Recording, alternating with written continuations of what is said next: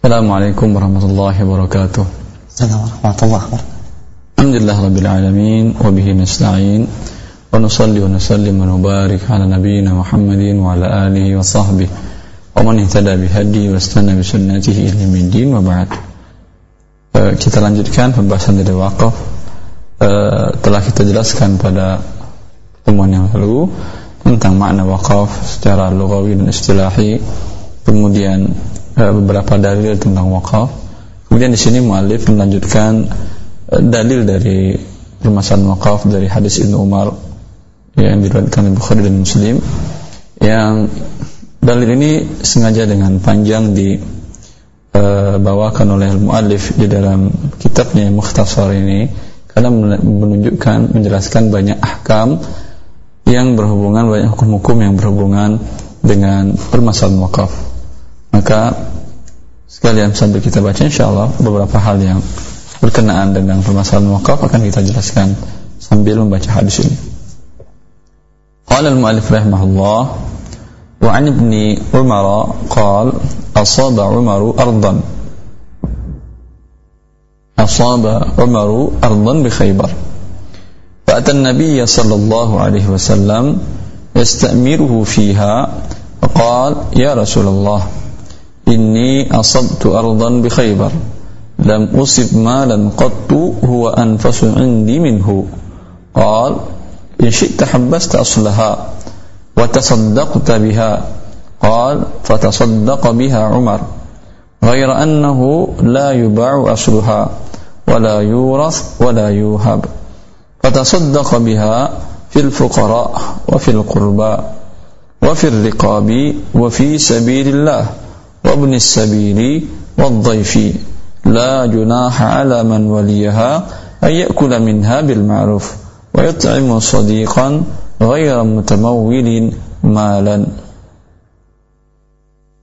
dari Ibnu Umar radhiyallahu taala anhuma yaitu Abdullah bin Umar ia berkata Asaba Umaru ardan bi Khaybar Umar mendapatkan sebidang tanah di Khaybar.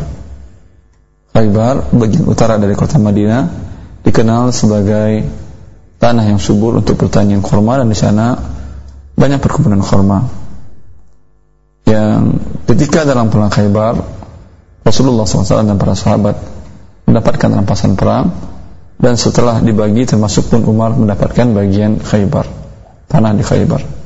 Aisyah mengisahkan bahwa kami Rasulullah SAW tidak pernah makan kenyang kecuali setelah Khaybar ditaklukkan artinya makanan dengan ditaklukkan Khaybar e, ketersediaan makanan pokok itu kurma bagi kaum muslimin di Madinah menjadi cukup.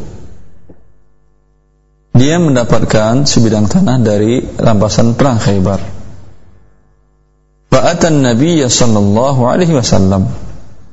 Lalu Umar mendatangi Rasulullah sallallahu alaihi wasallam yastamiruhu fiha bila meminta perintah Rasulullah SAW terhadap harta tersebut. Takmir minta perintah. Ya Rasulullah, perintahkan apa engkau perintahkan? Akan aku salurkan hartaku untuk itu. Menunjukkan bahwa para sahabat radhiyallahu alaihim ajmain dalam segala hal mereka merujuk kepada Rasulullah sallallahu alaihi wasallam. Sampai pun permasalahan pribadi. Harta adalah milik anda yang anda dapatkan terserah anda mau disalurkan untuk apa.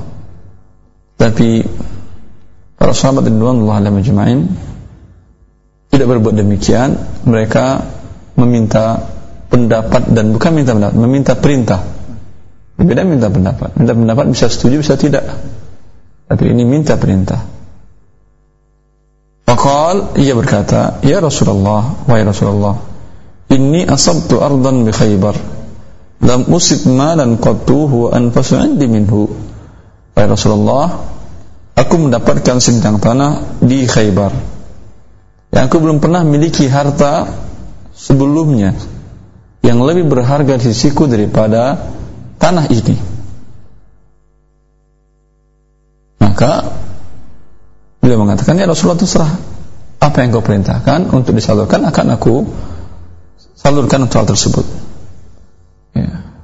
menunjukkan para sahabat dan Allah jemaah lomba-lomba dalam kebaikan lan tanalul birra hatta tunfiqu mimma tuhibbun Allah mengatakan kalian tidak mendapatkan albir kebaikan sampai kalian membelanjakan.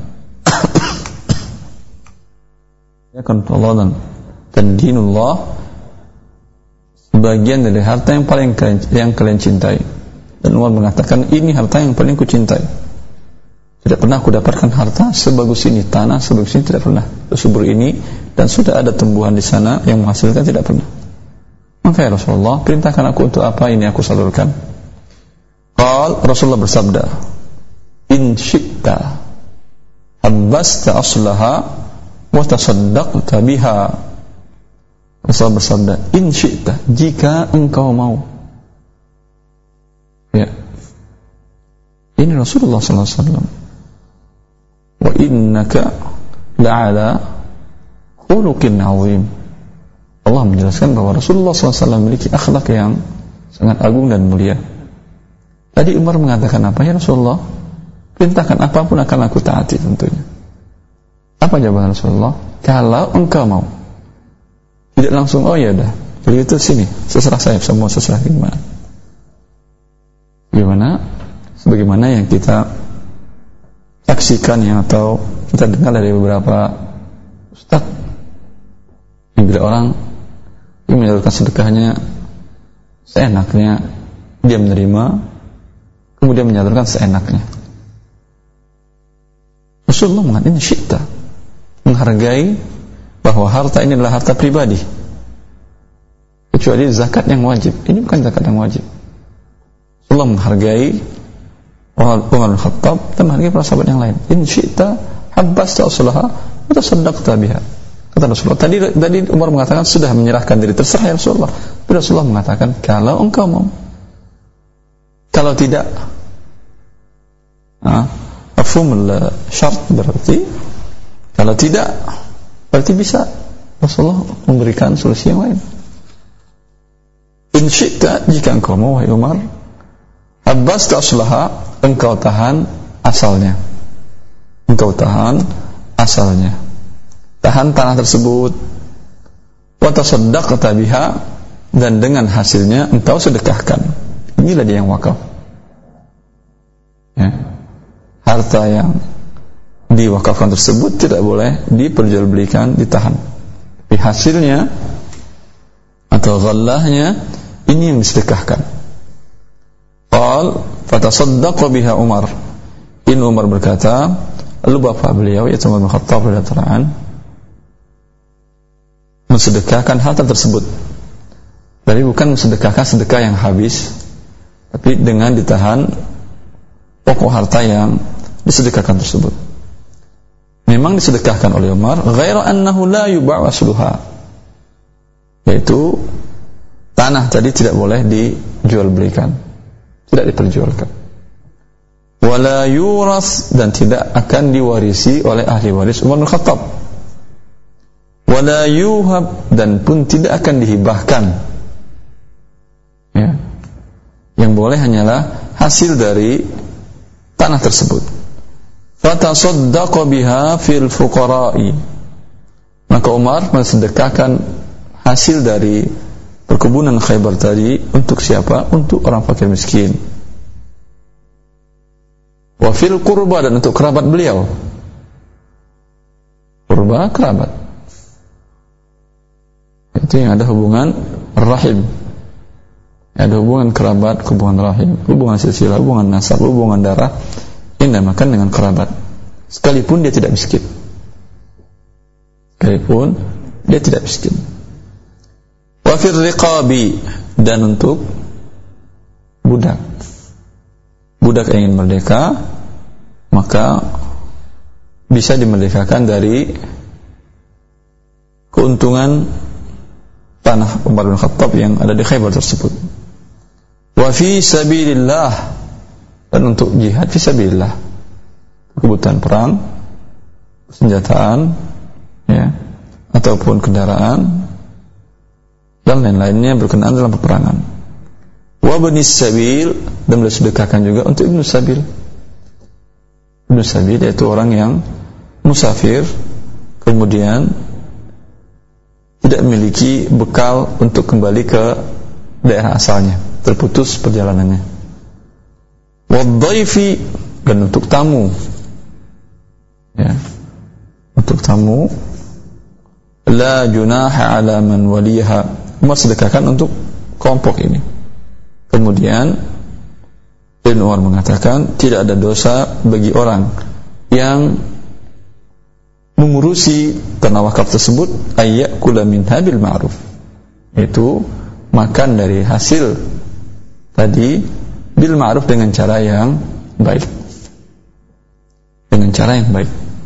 Artinya nazirul wakaf pengelola wakaf atau pengurus wakaf boleh mendapatkan gaji dari hasil wakaf tersebut. Ya. Tapi berapa gajinya? Yaitu bil ma'ruf. Apa bil ma'ruf? Yaitu adat kebiasaan di daerah itu Bila orang yang bekerja sekian jam untuk mengholos itu berapa biasa pantas gajinya? Kalau ada beberapa pilihan, maka pilih yang terkecil. Umpamanya dengan uh, pengalaman sekian tahun bekerja di sebuah tempat pengelolaan, mengelola manajemen manajer atau apa, gajinya biasanya sekian, umpamanya kira 10 juta per bulan, dengan mengurus wakaf jam yang sama, pekerjaan yang sama, berapa gajinya? Boleh ngambil 10 juta. Boleh. Ya, bila gajinya ada berkisar antara 10 sampai 15 umpama atau 10 sampai 20 ya tergantung perusahaan di mana dia bekerja sebelumnya maka diambil yang terkecil. Ya ini dimaksud dengan bil ma'ruf. Ya, wakaf boleh mendapatkan upah pengelolaan wakaf ini. Wa yut'imu sadiqan. Dan uh, nazir wakaf dan uh, nazir wakaf tadi boleh memberikan juga juga kepada temannya. Ya. Ghayra mutamawwilin malan yang tidak boleh diambil oleh dia menjadi kepemilikan harta milik pribadinya. Muttafaqun alaih. Hadis ini dikeluarkan oleh Bukhari dan Muslim. Dan hadis ini menggabungkan banyak hal di dalam permasalahan zakat di antaranya bahwa zakat tidak boleh diwarisi, tidak boleh dijual belikan, tidak boleh dihibahkan asalnya. Tapi hasilnya ini yang digunakan dan boleh untuk fakir miskin. Kecuali uh, waqif yang berwakaf syaratkan. Boleh untuk fakir miskin. Boleh juga untuk kurba kerabat. Boleh untuk budak melekakan budak. Boleh untuk jihad fisabilillah boleh untuk ibnu sabil. Boleh untuk tamu dan sebagian boleh diambil oleh uh, pengurus atau pengelola wakaf. Insyaallah pertemuan yang akan datang akan kita jelaskan lebih rinci berapa rukun dan persyaratan yang berkenaan tentang akad ijab dan kabulnya. Kemudian syarat wakif dan makuf ada insyaallah taala syurutul wakif dan beberapa hal yang berkenaan setelah menjelaskan hadis nomor ini. Wabillahi taufiq.